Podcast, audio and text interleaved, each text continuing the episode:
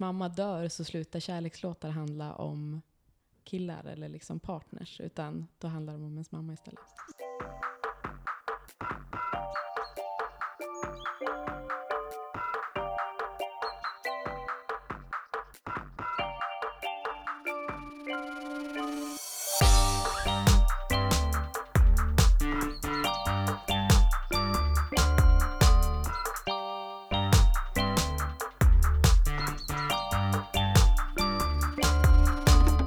Mycket fix innan man får börja sjunga. vad sjunger ni? Lite olika. William skriver jättemycket musik. Ja.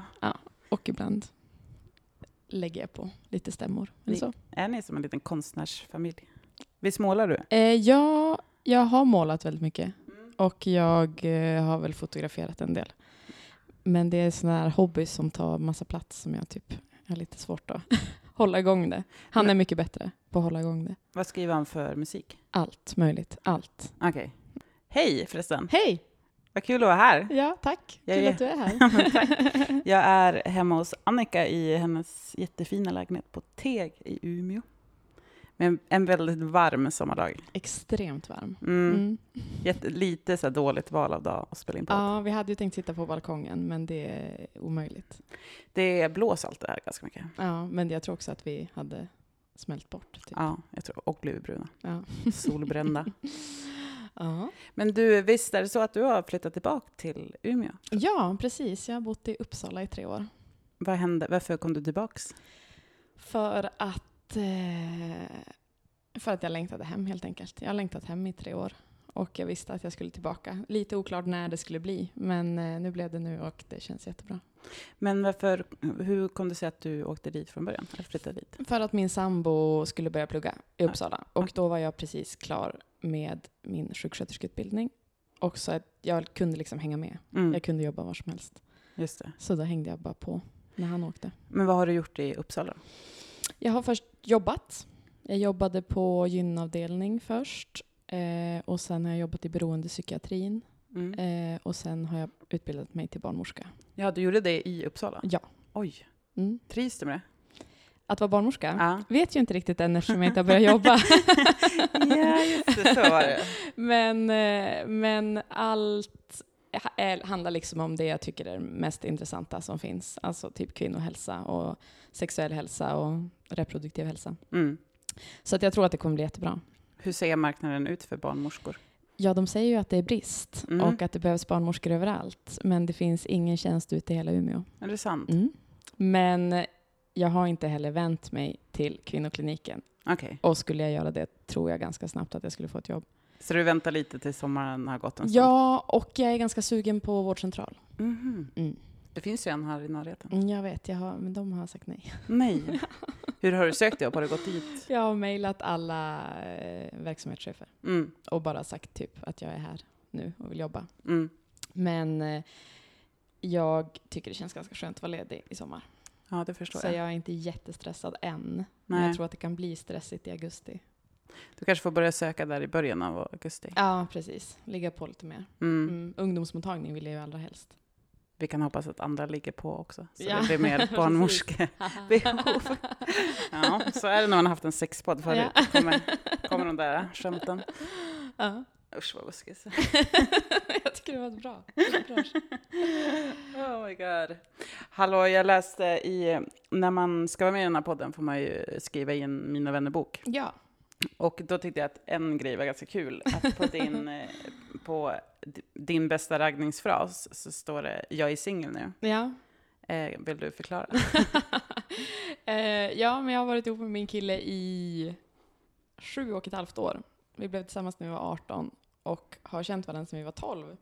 Så att vi har liksom varit med varandra majoriteten av eh, våra liv. Men vi gick inte samma gymnasieskola. Mm. Så att då hade vi varit ifrån varandra några år och så träffades vi på en nyårsfest. Och då kände jag bara direkt jag såg honom så kände jag att jäklar, han måste veta nu att jag är singel så, att så att det händer någonting. Så att jag vet att jag sa det ganska klumpigt sådär. Jag är ju singel nu förresten. Väldigt så. Så himla gulligt tycker Ja. jag. Men eh, det gick ju bra. Det gick Men hur, hur, hur blev det då? Vad sa han? Vad hände? Eh, men han har ju berättat i efterhand att han tänkte då, eftersom han hade haft känslor för mig så länge, så tänkte han att typ det är nu eller aldrig. Nu är vi plötsligt på samma fest och har inte setts på ja, men över två år eller någonting. Så att då eh, så kysste han mig på tolvslaget helt enkelt. Nej. Ja, det var en nyårsfest så att, ja. Gud. Ja, Och så har ni sett ihop sen dess. ja, verkligen. Men eh, jag minns, eh, minns er, eller mitt, mitt tydligaste minne av er är att jag ser er gå hela tiden Eh, ja. här i Umeå. Alltså Ja. det är så här, eh, jag tror att vi vet om varandra genom vår gemensamma vän Elina, eller har jag fel? Ja men så det, ja, för jag funderade på det här faktiskt innan du skulle komma hit, Mm. hur det riktigt började. För jag vet när jag hittade din blogg, Ja, och eh, du hade så gulliga bebisar då nämligen. Mm. bra, bra lockelse. ja men just det, och så sen Elina ja. Det, så, det, det förklarar saken. Ja. Mm. Jag tror att det är så att det är genom henne som jag vet, kanske också att du har varit på klubbar. ja. Ja, äh, men det är alla i Umeå på något vis. Ja. Men eh, jag med genom henne, och så har jag som sett det, för jag tyckte att ni var ett väldigt vackert par, ja. du och William. Men och då är det som alltid att jag ser er gå, alltså Ja. väst på stan då, som är Mm. ganska nära centrum i, i Mm. Umeå, för ni som inte bor i Umeå. Mm. Eh, att ni alltid går. Ja, men det stämmer säkert. Eh, jag bodde ju både där innan jag flyttade hemifrån då vi blev ihop. Ja. Och sen så bodde vi, när vi flyttade, det är han bor på Sandbacka en sväng, men sen när vi flyttade ihop, jag och William, så då bodde vi också väst på stan. Så att, ja, men då ja, är det väl Men det antagligen, ja. Och då bodde vi typ så nära stan så det var ju som ingen mening att ta cykeln. Så Nej. jag skulle gissa att vi gick hela tiden. William är också en person som går väldigt mycket. Mm, han känns verkligen Ja. som en gå-person. Ja, men det är han. Ja, nej men han, han har som den, den grejen. Och plus, ett annat minne, eller en annan grej med dig, Mm. Tycker jag är att jag tycker du att, att du är lite som Clark Kent och Superman. alltså för, ja, för alltid, eh, nu låter det som att det ska vara något storslaget, Ja. men det är ganska ytligt. Men eh, det är för att, ja men när då eh, jag fick vetskap om dig, Mm. så eh, Instagram var det väldigt mycket bilder med, med dig och dina glasögon. Ja. Och sen helt plötsligt försvann de, dina glasögon. Eh, ja. Ha, ja, kanske. Ja, men Vissa på perioder. bilder. Ja. Och då var det som att jag kunde inte se att det var du. Nej. Det var så himla konstigt Ja. att jag tyckte att du var, du var som Clark Kent. Alltså det blev så här, när du tar av dig dina glasögon, då blir du en helt annan person. Ja, men så tycker jag själv också. Ett Mm. ointressant drag hos en superhjälte. Okej, okej, okej. Men du, du skulle ju också kunna köra, eftersom din favoritbok är Harry Potter, det kunde ju också vara en Harry Potter-grej. Mm. Han har ju också glasögon. Ja. Alltså, vi försöker bara namedroppa folk med glasögon. Ja. Ehm, men han, för han kan ju dö. ja, absolut. Ja. Ja. ja. Oh my god. Ja, men vad roligt. Men då, nu har du ju fått komma tillbaka till Umeå. Ja. Trivs du? Ja. Mm. Eh, jag har skämtat jättemycket om det här med teg. Okej. För är man äkta Umeåbo så tycker man ju att Teg är fel sida älven. Mm. Ja. Men jag har liksom nu, jag äger bara Teg nu. Det är så. Ja. Vad är det du gillar med det? Eh, jag gillar att jag har världens bästa lägenhet. Mm. Och eh, nej men nu är det trevligt tycker jag. Så här, man får lära känna sitt nya Coop och Mm. nya Ica och Robertos pizzeria. Ja, just det. Det är ju bra. Eller vi pratade häromdagen, en kompis jag, om att jag tycker att Robertos är väldigt överskattat. Mhm. Och det får man ju inte säga i den här stan.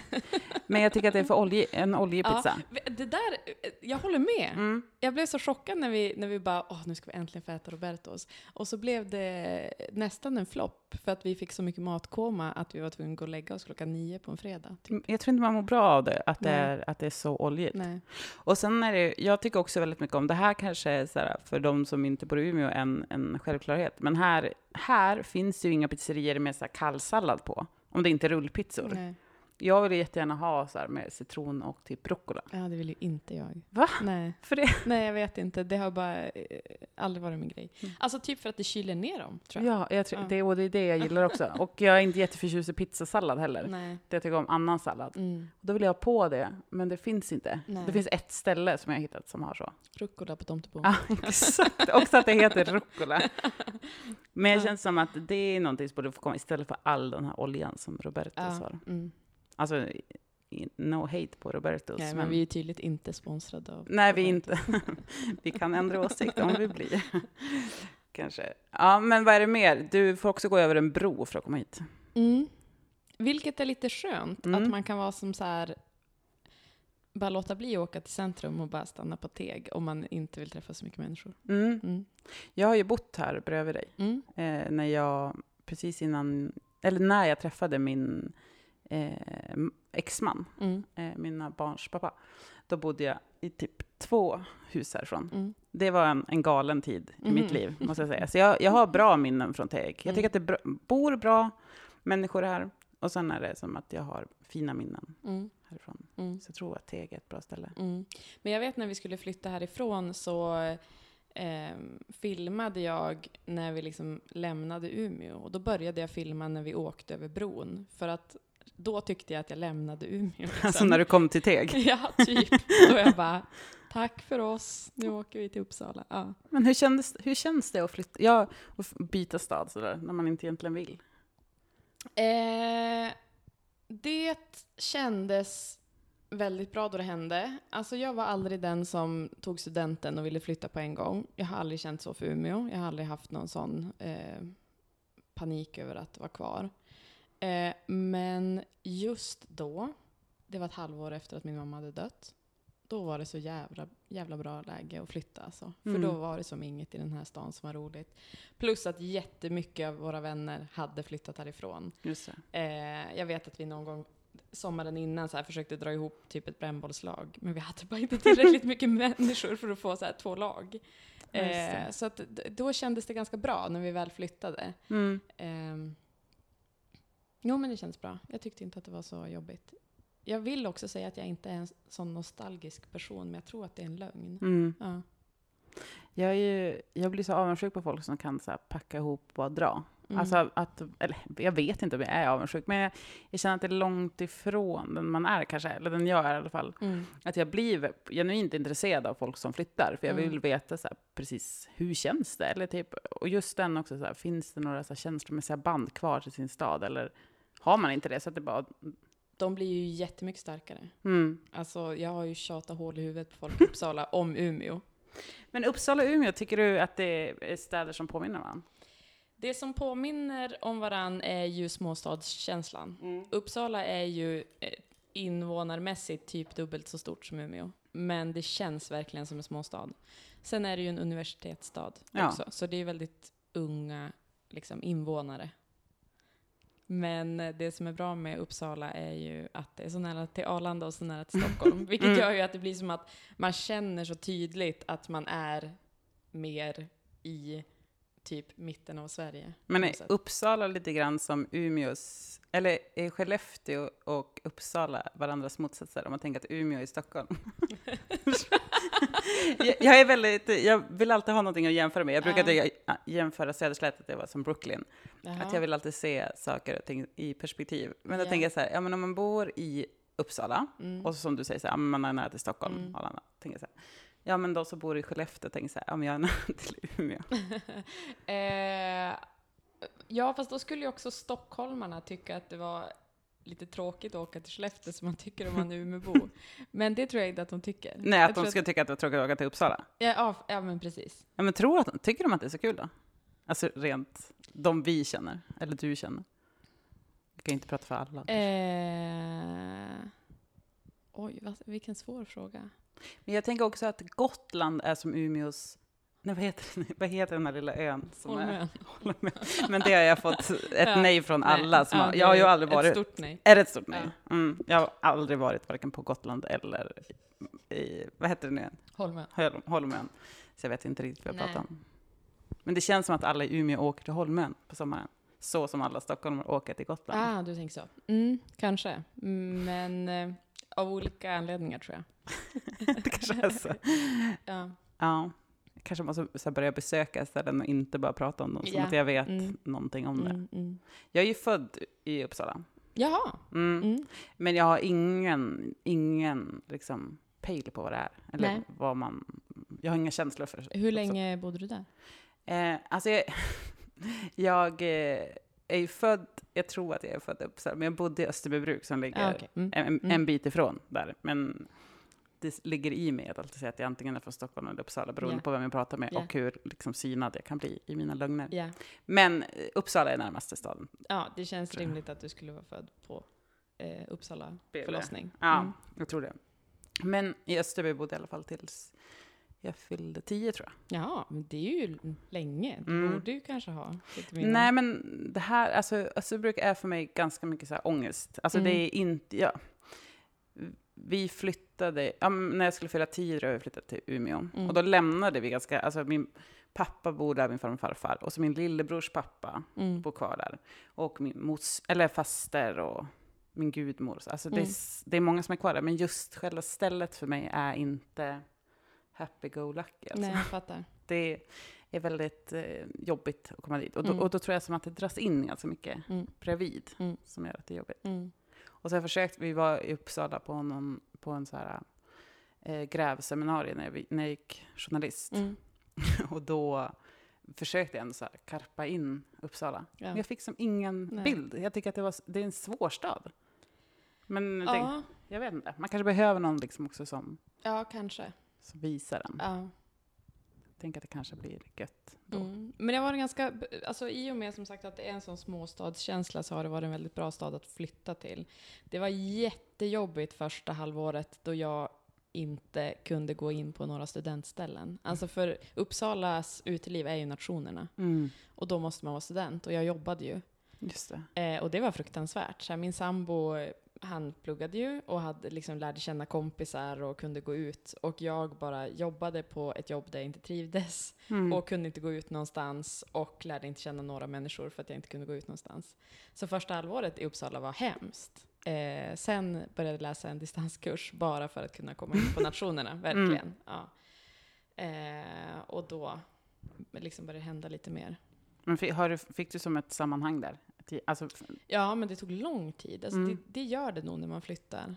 Eh, det tror jag andra skulle säga också, att det tar ganska lång tid innan det här sammanhanget kommer. mm. Jag lärde känna lite personer, ja men det var ganska exakt ett halvår efter att vi hade flyttat, eh, som, ja, men som typ gav mig ett, ett sammanhang och lärde mig eh, vad som är kul att göra i Uppsala och inte. typ. Eh, och, och lär man känna några så får man ju liksom deras umgänge på Köpet. På köpet. Mm. Så att, eh, ja, det var då det började hända någonting. Men första halvåret var jättejobbigt. Mm. Verkligen jättejobbigt. Kul att du är tillbaka hit. Ja, Har, de, har några andra av dina vänner flyttat tillbaka? Nej, typ inte.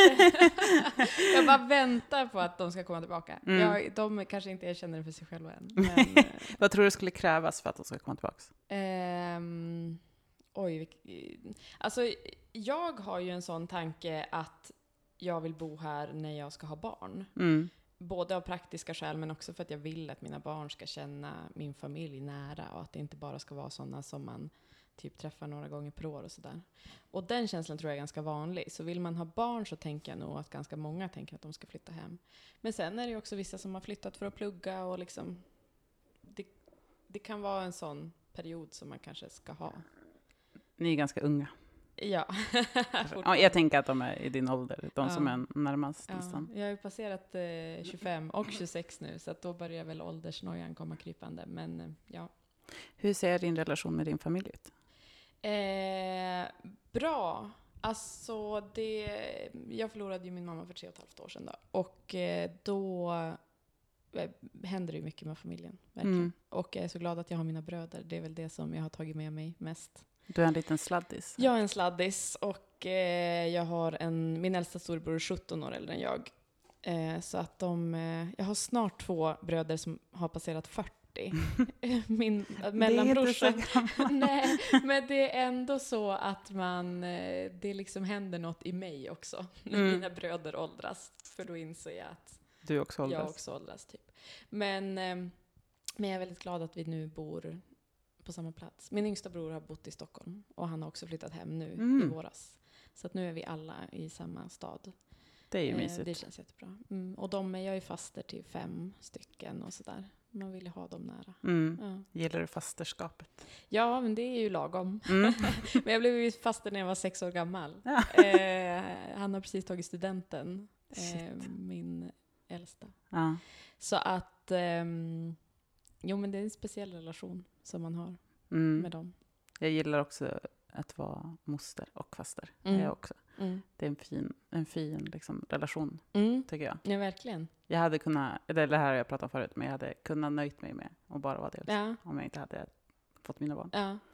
Eh, jag vill ju jättegärna ha barn, så jag ska inte säga så. Men jag hoppas att jag är en sån person som de vet att även om vi ju inte, för det är ju ändå ganska stor åldersskillnad med de yngre av brorsbarnen, liksom. men att jag är en person som kommer att finnas där. Och speciellt eftersom jag är så mycket yngre än deras föräldrar också, Mm. så hänger jag ju kvar. Det känns som ganska mycket som att kom, om du vill det så kommer det nog bli så. Det känns som att det hänger ganska mycket på den som är äldre. Ja, jo men precis.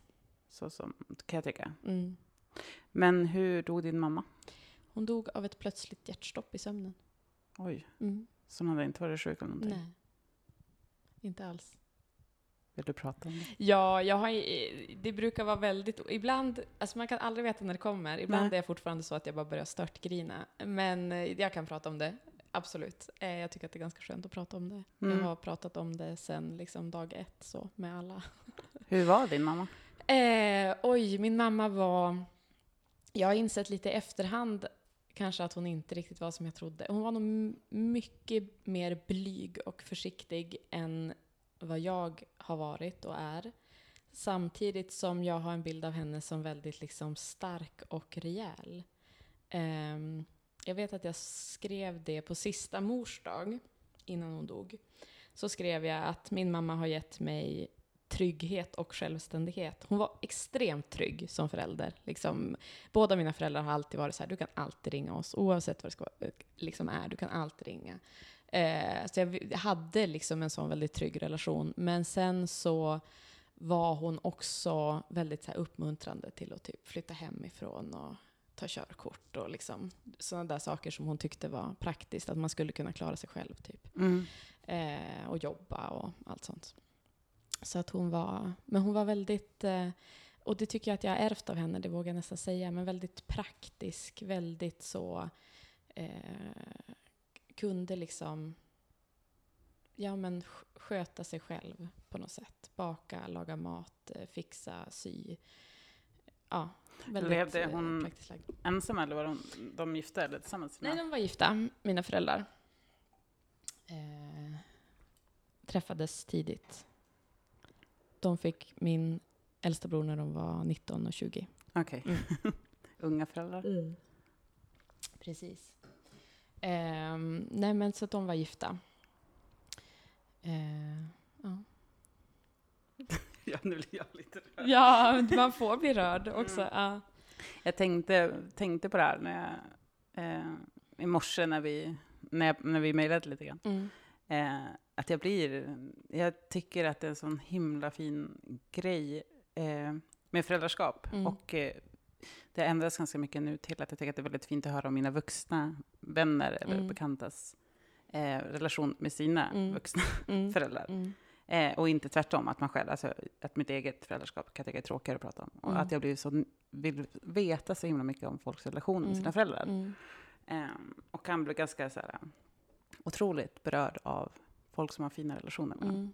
Jag är så glad att jag hade en så fin relation med mamma. Och om man liksom ska prata om en fördel med en plötslig död, så är ju det att det sista man hade, det här kan ju såklart vara en nackdel också om det har varit jobbigt, men liksom det sista vi hade var ju positivt. Liksom. Eh, jag, hade, jag liksom har aldrig haft någon ångest efter att mamma dog, att jag inte hade hunnit säga till henne vad hon betydde för mig, eller liksom hunnit visa det så. Eh, för det vet jag att hon visste om. så. Mm. Och det känns skönt. Eh, och det tror jag, nu är jag också en sån, jag är absolut inte en sån som säger till folk att så här, berätta för era nära och kära hur mycket de betyder. För gör de inte det så tycker inte jag att man ska känna någon Nej. press. Liksom. Men för de som faktiskt betyder någonting för en, och där det faktiskt, där man tänker det, Mm. då ska man säga det högt också. Mm. Så himla fint. Ja. Men sen är det liksom... Det har gått tre och ett halvt år och eh, på något sätt har ju absolut ingenting förändrats. Nej. Alltså sorgen försvinner ju inte. Den gör verkligen inte det. Den bara, man bara vänjer sig vid den. Eh, och det, alla klyschor folk har sagt om döden Mm. stämmer. Det är verkligen så. Va- vad är det för klyschor du tänker på? Eh, ja, men, men det här att det bara känns som ett hål i bröstet. Mm. Det känns exakt som ett hål i bröstet. Eh, jag läste också någonstans som någon, eh, det kan ha varit Hanna Hellquist i DN, som skrev att, nej men fast det låter konstigt för hennes mamma lever ju. Men det var någon i alla fall som hade skrivit att eh, när ens mamma dör så slutar kärlekslåtar handla om killar eller liksom partners, utan då handlar det om ens mamma istället. Gud. Oj, oj. Ja, men så är det verkligen. Gud vad fint. Mm, Vilken fin tanke ändå. Eller Mm. så här fin känsla. mm. Åh. Ja. Ja. Ja, här hade inte jag väntat mig att jag skulle bli det. Ah, ja, men det är någonting, alltså jag vet inte, det är ju någonting med mammor. Att Mm. det, alltså hur, en, hur man själv än har en så här relation till olika vuxna så är det är någonting i en som dras igång. ja. Och även, så här, även om de inte finns liksom, fysiskt närvarande längre, Mm. att så här, höra folk prata om sina mammor Mm. är för mig, eller är ju väldigt, väldigt fint. Mm. Ja, men det märker jag också. För som sagt, jag brukar, jag brukar vara ganska öppen med att prata om det för att dels vill jag att folk ska veta att det är okej att prata om. Jag tycker inte om att folk liksom ska behöva trampa runt det Mm. på något sätt. Men också ibland vill jag ju bara förvarna folk på typ att det kan bli en reaktion för mig på mors dag eller på min mammas födelsedag eller sådär. Mm. För så, så blir det fortfarande. Eh, och då får jag väldigt starka reaktioner. Just som du säger, så här, alla har ju en relation till en mamma. Mm. Oavsett om det har varit en bra eller en dålig relation eller om mamman inte har varit närvarande alls. Alla har ju en, reaktion, eller en relation till sin mamma. Liksom. Så att eh, det är alltid någon som har någonting att säga när man börjar prata om sin mamma. Så Mm. är det verkligen. Men när känner du dig som så mest, mest närvaro av henne På våren på våren? har jag märkt jättetydligt. Eh, när det börjar grönska. Alltså hon var en sån som kunde ringa och bara nu blommar häggen. Eller liksom nu har jag sett eh, svalor. Eller någonting. Mm. Ja, och eh, så gjorde vi när jag var liten också. Och, Mm. ja, och, och så reagerar jag också på min omgivning. Mm. Att jag ja, är uppmärksam på sådana förändringar. Tror du att du kommer ta efter mycket av hennes... Jättemycket. Och det här du vet visste jag, vad jag skulle fråga. Ja, jo men alltså, jag vet inte om, men ja, jättemycket. Alltså ibland hör jag mig själv säga saker som min mamma har sagt. Och det här vet inte jag om jag hade gjort även om hon fortfarande levde. Eller om det bara så här, man typ drar på volymen när hon inte lever. Mm. Men ja, jag säger saker som hon säger, jag gör saker som hon gör. Tycker du om det? Tycker du om Ja, jag tycker det? om det. Jag tycker om det jättemycket faktiskt. Mm. Även om jag ibland typ börjar skratta lite för att jag bara hör typ hur dumt det låter. För annars kan jag tänka mig att det blir ofta så här att man bara, åh nej, nu låter jag som min Men mamma. Jag håller typ på att bli min mamma. Ja, men Alltså, det är det jag tänker om hon hade levt. Mm. Då kanske känslan hade varit så. mm, Men nu är det ju bara att man, det är som trevliga minnen liksom. mm. Ja. Jag tänker, det måste verkligen bli en liten skillnad på det där. Att det för att när de är så närvarande rent hela tiden, Mm. att eh, då kanske ibland är det lite det värsta man kan tänka sig. Att man blir, för att man Ja. ser de kanske de sämsta sidorna Ja. hos sin förälder. Ja. Men jag kan också tänka så här, äh, ja, om hon inte finns med längre, då blir det mer levande om man själv känner att Mm. man för det vidare på Mm. något vis. Jo men verkligen. Och så, det, det har ju varit min absolut största sorg med hela det här med min mamma, är ju att mina framtida barn inte kommer att ha någon mormor. Mm. Eh, men då får man ju hålla henne vid liv på andra sätt liksom. Ja, och det är väl det som är bra med att du kan prata om det också. Ja. Alltså att man håller henne i liv liksom i det. Mm. Att få prata och se Mm. bilder och Mm. musik och just Mm. sånt som att berätta. Just så här, min mamma ringde alltid på våren och Ja. berättade det här. Ja. Det är som, har ni mycket så här foton och Lite för lite. Alltså, Ja. Jag tror att det är ganska vanligt att mammor är de som så bakom kameran? ja, står bakom kameran eller är i bakgrunden på något sätt. Så ganska lite. Och då är jag ändå en person som har fotograferat jättemycket. Men lite grann finns det såklart. Och kanske mer om jag börjar gräva foton som är tagna längre tillbaka i tiden. Mm. Mm. Eh, nu har vi haft en liten rökdrickpaus. Ja, Eller jag rökt, du har inte rökt. Jag ska inte bra dra att in du inte dig. utmålar mig som rökare. Nej, jag ska inte dra in dig i det här smutsiga livet. Men eh, när vi stod där på balkongen så började vi prata lite grann om våra ungdomsår. Ja. Och det var kul tycker jag, för att vi verkar ha haft ganska liknande bild av, av hur vi ville bli porträtterade som Ja, unga. Ja. Och det eller vi, för det första var det ju att vi, vi båda har tillhört någon slags subkultur. Mm. Fast på olika, olika sätt kanske. ja, det kan jag tänka mig. Du var metal Metal. Annika Mm. och jag var ju god Therese Mm. med Z då. även. Ja, ja. Ja, det Okej. var väldigt viktigt också. ja. Som tur var tog Det jag... känns ju inte så coolt i efterhand. Eh, nej, nej, Nej. nej. Alltså, och även så här, i, i, i sjuan hade jag... Jag var ganska punkig i mellanstadiet. Och så när jag kom upp till högstadiet så vart jag någon slags hippie-person. Mm. Vilket inte stämmer in på någonting i mitt... Jag är väldigt ohippig. Mm. Eller ohippig. Ja. Eh, men då vet jag att så här, i sjuans skokatalog så sitter jag med så här, rad, eh, Hare Krishna har eh, radband och sen en så här, 70-tals utsvängd tröja, alltså som, med jättekonstiga så paisley-mönster, Mm, mm. och utsvängda byxor och barfota, och så sitter jag i så här skräddarställning, i, och så, så säger jag med här, naturgruppen, och så står det så här hippie Therese. Aha. Oj. Och nu, ibland kommer ju de där skolkatalogerna upp Ja. och, och det tog väldigt lång tid för mig att så här, vara okej med den här perioden, för sen blev jag ju gotare. Mm. Så här, Cure, Susan the Mm. Banshees gotare. Och Mm. då var det väldigt jobbigt att ha den där skokatalogen som visade att man inte hade varit det allt för länge. Men man måste skratta åt det, för att jag i sjuan, jag har ju en dödskalle i knät. eh, och eh, alla mina nitar syns inte, vilket jag var lite besviken för när, eh, när den kom, katalogen. Men ja, jag, har, jag tog loss från en halloween-dekoration, en dödskalle, för att ha den i knät på bilden. Men det var så himla viktigt det där med hur, hur man såg ut i skokatalogen. Ah, ja. Inte bara att man skulle vara snygg, det tror jag inte ens för mig var så jävla viktigt. Nej. Men det viktiga var ju så här, här måste det synas vem Ja. jag är. Mm. Jätte, jätteviktigt. Vilken skola gick du på? Ålidhem. Ålidhem. Mm. Just det, jag var jättekär i en kille på, i, på Ålidhem, så runt honom fanns, fa- var ett hjärta. Oj, och sen ja. bredvid honom så stod hans, som man hade fått höra var hans tjej. Ja. Och då har jag så kluddat över det. Jag bara skrivit massa hatord om Blev henne. du kär i honom för att du såg honom i skolkatalogen? Eh, nej, jag blev kär i honom för att då var jag också så här lite, jag var ju vegan då, så att jag, Mm. och med liksom HC-kretsarna. Ja. Och då var man på väldigt mycket spelningar på Ålidhem. Mm. Eh, och då min bästa kompis Emma var kär i hans bästa kompis.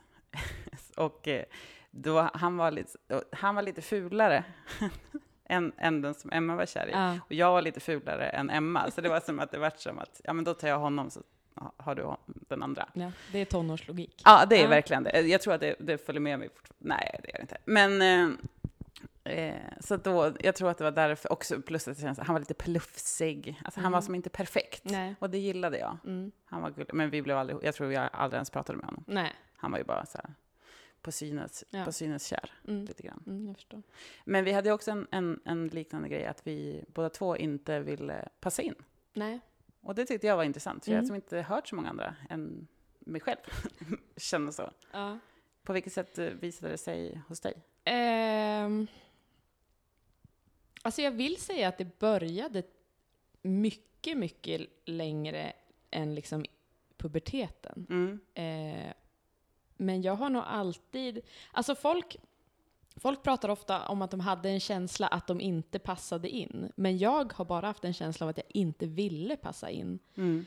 Eh, att jag gjorde nog, alltså det var ganska uttänkt. Jag hade såna här syntetiska dreads när jag gick i åttan. Vilken Eh, färg? Eh, blonda. Blonda? Men Mm. sen skaffade jag också bruna. Mm. Eh, men så här eh, kallt blonda, så jag var tvungen att bleka håret ordentligt innan jag skulle fläta in dem. Men, eh, och, och när jag flätade in dem eh, och gick till skolan, för det första så har jag väldigt tydligt minne av min mamma som säger innan jag ska gå, Annika du är så modig. Ja. Och att det var så här att då tänkte jag nog, ja men hon liksom är nog blygare än vad jag är. Alltså, för så tänker man ju typ inte om sina föräldrar. Nej. Men då tänkte jag det. Men sen när jag kom till skolan så var det en tjej som såg mitt hår och ramlade i trappan. Och jag bara blev så nöjd över det. Och att jag bara tyckte att eh, då hade jag lyckats liksom. Så ville att jag skulle, jag ville att det skulle vara så. Att folk ramlar i trappan? Ja, men att, att jag inte gick obemärkt förbi. Mm. Mm. Men var det här efter liksom ett sommarlov eller var det här över en helg? Nej, det var över en helg bara tror jag. Mm. Mm. Det är som kul när man också så här, när ska det här presenteras Ja, på något vis? ja. Jag minns att efter, när jag började sjuan så bestämde jag mig för, då också att jag så skulle raka om, eller var det åtta? Jag minns inte. Något sommarlov att jag skulle raka om i håret Mm. och inte använda bh och Mm. inte sminka mig. För Mm. det var då som alla i, i, min, i min årskurs liksom började med det. Att det Ja, var viktigt ja. med så här push-up bh Mm. och smink och det. Och så jag bara, nej jag ska raka bort det, inte använda bh och bara ja, komma så här. Och det var ju också, då satt jag också i skräddarställning och Ja. läste så här anarka-feministböcker Ja, ja. och bara yeah. jag tror inte, eh, fortfarande idag blir det så här, undrar om jag någonsin läste den där boken eller om det bara var så här för syn. Mm. För att jag minns att vi fotade väldigt mycket och Ja, det var så viktigt att ha de där bilderna. Eh, men att det ändå var... Också, jag tror, eller jag vet inte om det var så för dig, men jag kände att eh, jag hörde som inte hemma. Eller jag, jag kände mig alltid väldigt, inte lika bra som alla andra. Eller att det var som att jag tyckte att alla var väldigt mycket snyggare eller liksom ordentligare, eller på något vis passade in. Mm. Och jag, det har jag aldrig känt att jag, och speciellt inte då. Och då var det som också väldigt mycket lättare att gå som ännu mer steg ifrån det. Mm. Att, så här, att jag lite grann så gick förbi typ mobbare och sånt. Och så här, okej, Mm. men Ja men alltså, eh, jag känner inte igen mig i det där, för jag är mer narcissist än så. Alltså jag var lite mer att jag tycker att jag är bättre än vad ni är. ja. Alltså jag tror lite att det grund- grundade sig i det. Eller i alla fall att det var liksom att jag antog den personligheten, för det är ganska bra att ha när man vill sticka ut liksom. Mm, Eh, men eh, mobbingen, absolut. Alltså 100 procent. mm, Att det var... Eh, skrek någon någonting efter mig i korridoren, då gjorde jag det dubbelt så mycket, vad det nu var, smink, kläder, whatever, dagen efter. mm. Liksom. Det är ett sätt att vinna, bara. Att visa att man inte bryr sig. Jo. Jag tar inte av mig, eller jag flätar inte bort mina dreads i, för att du har skrikit att det är fult. Eller liksom, jag tar inte bort mina nitar för att ni kallar mig sata satanist i korridoren. liksom. eh, så absolut, alltså det, är ju ett, det är ju ett sätt att behålla kontroll. Jo. Det är någon som har sagt att hela tonåren är som en eh, personlighetsstörning. Eh, störning. Man kan inte sätta diagnosen personlighetsstörning innan någon har fyllt 18 år typ. För Mm. hela, och det är ju så. Men ett sätt att behålla kontroll under puberteten och under, ja, puberteten var fruktansvärt, alltså gud vad jag inte vill gå igenom det igen. Men under tonåren var bara att så här, det här har jag i alla fall kontroll över. Mig själv och min stil och eh, vem jag vill utge mig för att vara. Men hade du ett gäng som var, hade du något tajt gäng eller någon så här tillhörighet med vänner eller var du ensam i det? Jag var först ensam i det. Och sen när man liksom började åka in till stan, då fick jag ju eh, mer ett sammanhang. Mm. Eh, och det gjorde jättemycket för mig. Jag tror inte att de här människorna som var med i det där gänget förstår. Men det... Ja, men dels var det ju då att jag också bröt mig loss från högstadieskolan ännu mer. Att så här, nu kan jag välja bort de här människorna.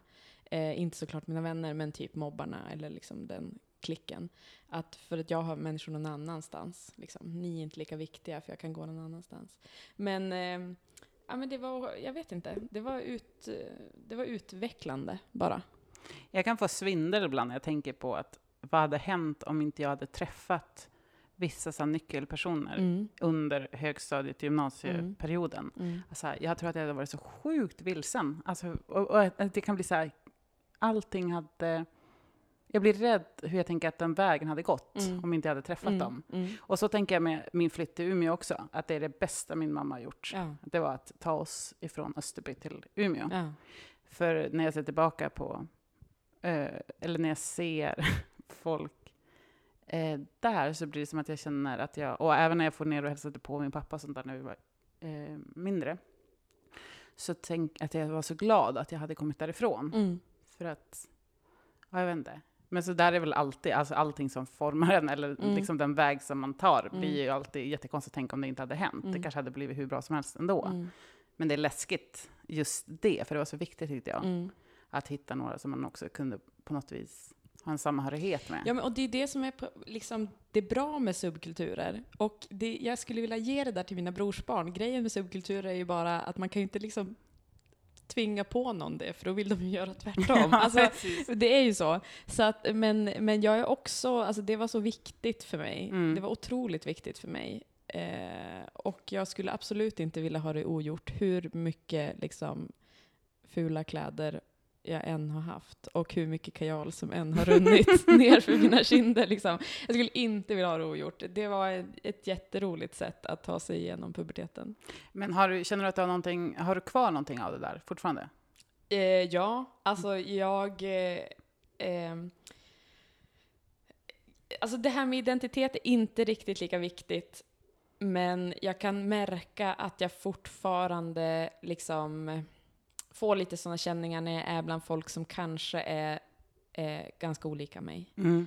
Att då, då är det just det där, jag vill vara ännu mer olik dem. Mm. Ja. Eh, Är det därför du känner att du så här, lite grann ryggar tillbaka om man skriver att man är feminist och vegan på sin bio i, på jag, Instagram? jag ryggar inte Nej, tillbaka. jag tycker bara att det är roligt. Eh, eh, vi pratade lite om det på balkongen Ja. också. Eh, hur man beskriver sig själv på Instagram. Och man beskriver sig själv utifrån sina politiska värderingar och vad man äter för mat. Jag tycker att det är roligt. Mm. Alltså, Jag satte fel ord i din mun. ja, precis. Eh, Jag ryggar absolut inte tillbaka, men jag fnissar lite. För Mm. att jag, jag kan känna igen mig i det där eh, att det är så viktigt att visa vem man är på en gång. Liksom. Eh, för det handlar ju så mycket, eller alltså det handlar kanske inte så mycket om vem man är, utan vem man vill vara. Mm. Alltså så tror jag det Så sant. Ja. Jag tror att med de orden så avslutar vi det här poddavsnittet. Ja, jätteroligt att du kom hit. Ja, men tack för att jag fick komma och tack för den goda sangrian. Ja, men jag har inte betalat den själv. Då slipper man swisha. ja. Men eh, tack så jättemycket och ha en råfin sommar. Detsamma. Och lycka till med barnmorskejobben sen. Tack så mycket. Hej då! Hej då!